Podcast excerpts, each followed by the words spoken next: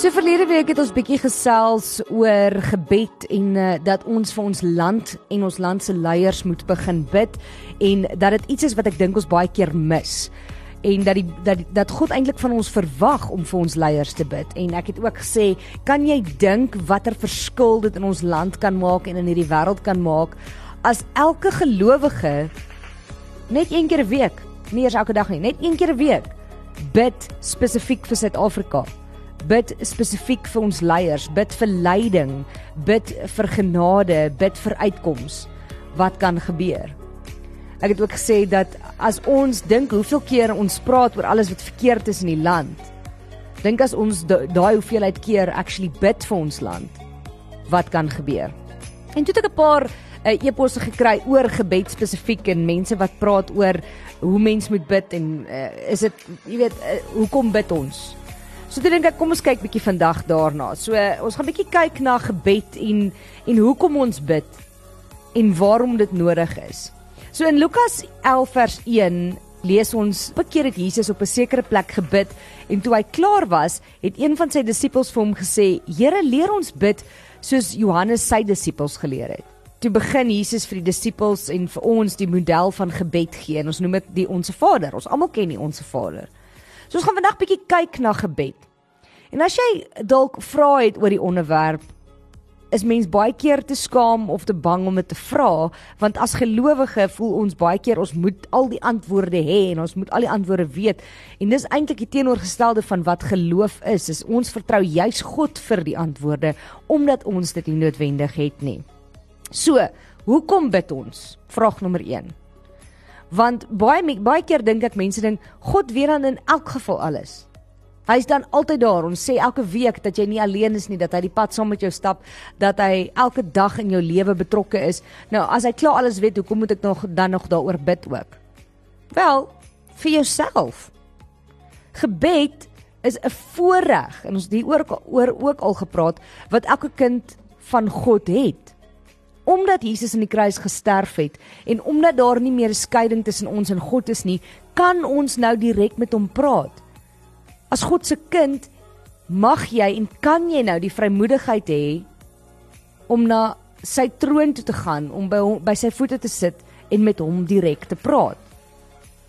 Gebed is die manier waarop ons met God praat. Dit bou intimiteit. Dit werk in daai verhouding tussen jou en God. Dit gaan eintlik oor jou om sodat jy daai verhouding kan besef, kan verstaan, kan voel. En dis ook 'n manier waarop ons dan na God kan luister.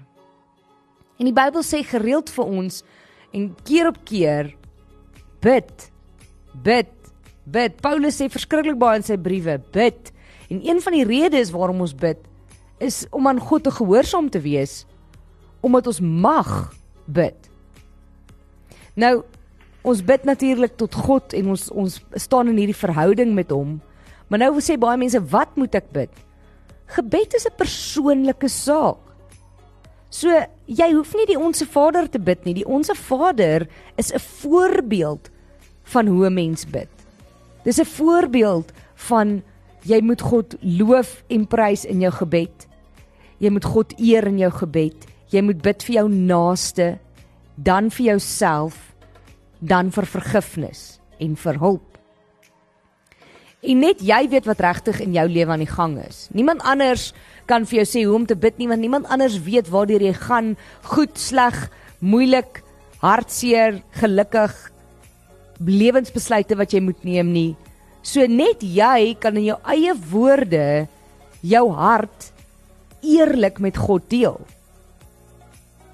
Maar is ook 'n goeie idee om die woord van God te bid. As jy die dag nie woorde het nie, is daar soveel psalms en gedeeltes in die Bybel wat jy kan gebruik as 'n gebed.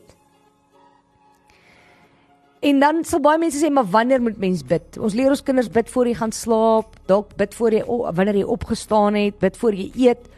Maar eintlik is bid is gebed iets wat jy altyd doen. Dit moet 'n konstante in jou lewe wees. Dis nie net wanneer jy jou oë toemaak wat jy met die Here kan praat nie. Jy kan daagliks heeldag met God praat in elke situasie waarin jy jouself bevind in elke besluit wat jy moet neem, in elke moeilike of goeie omstandighede kan jy dit alles met God deel op daardie oomblik. Jy hoef nie te wag tot vanaand en dan alles af te rammel nie. So bid enige plek. Bid in jou kamer, bid in jou huis, bid in jou kar, bid by die werk. Jy kan enige plek bid. En die onsse Vader is 'n model wat net vir ons sê hoe om te bid. In die Bybel sê vir ons bid konstant, bid vir leiding, bid vir wysheid, bid vir jou naaste, bid vir jou land, bid vir jou leiers, bid vir jou kinders. Bid vir jouself. Vra om vergifnis, eer en loof en prys God in jou gebed. Gebed is 'n voorreg wat jy het. Gebed is nie 'n moet nie, wel dit is eintlik, maar gebed is ons bid nie omdat ons moet bid nie. Ons bid nie omdat ons niks anders het om te doen nie. Ons bid omdat ons kan. Omdat jy die voorreg het om met God te praat, die Skepper, die Vader, die Almagtige. Jy het daai voorreg om in 'n verhouding met God te staan en jy het daai voorreg om konstant elke dag enige plek met hom te praat oor wat in jou lewe aan die gang is. En dit beteken dat dit 'n persoonlike ding is en dat jy jou persoonlike lewe met die Here deel. Maar onthou ook om as gelowige vir die om jou te bid. Dis ons verantwoordelikheid om ons naaste, ons kollegas, ons vriende, ons familie, ons gemeentelede, nie gelowiges, vyande aan God op te dra. Die Bybel sê ook bid vir jou vyande, bid vir hulle. Dis dalk die moeilikste deel van gebed is om vir jou vyande te bid. Bid vir jou land, bid vir jou vir die leiers. Jy hoef nie van hulle te hou nie, jy hoef nie saam met hulle te stem nie. Maar dit is nog steeds ons as gelowiges se werk en se verantwoordelikheid omdat ons daai voorreg het om na God toe te gaan, hulle aan God op te dra. Hier's for King and Country met Relate op Groot FM 90.5.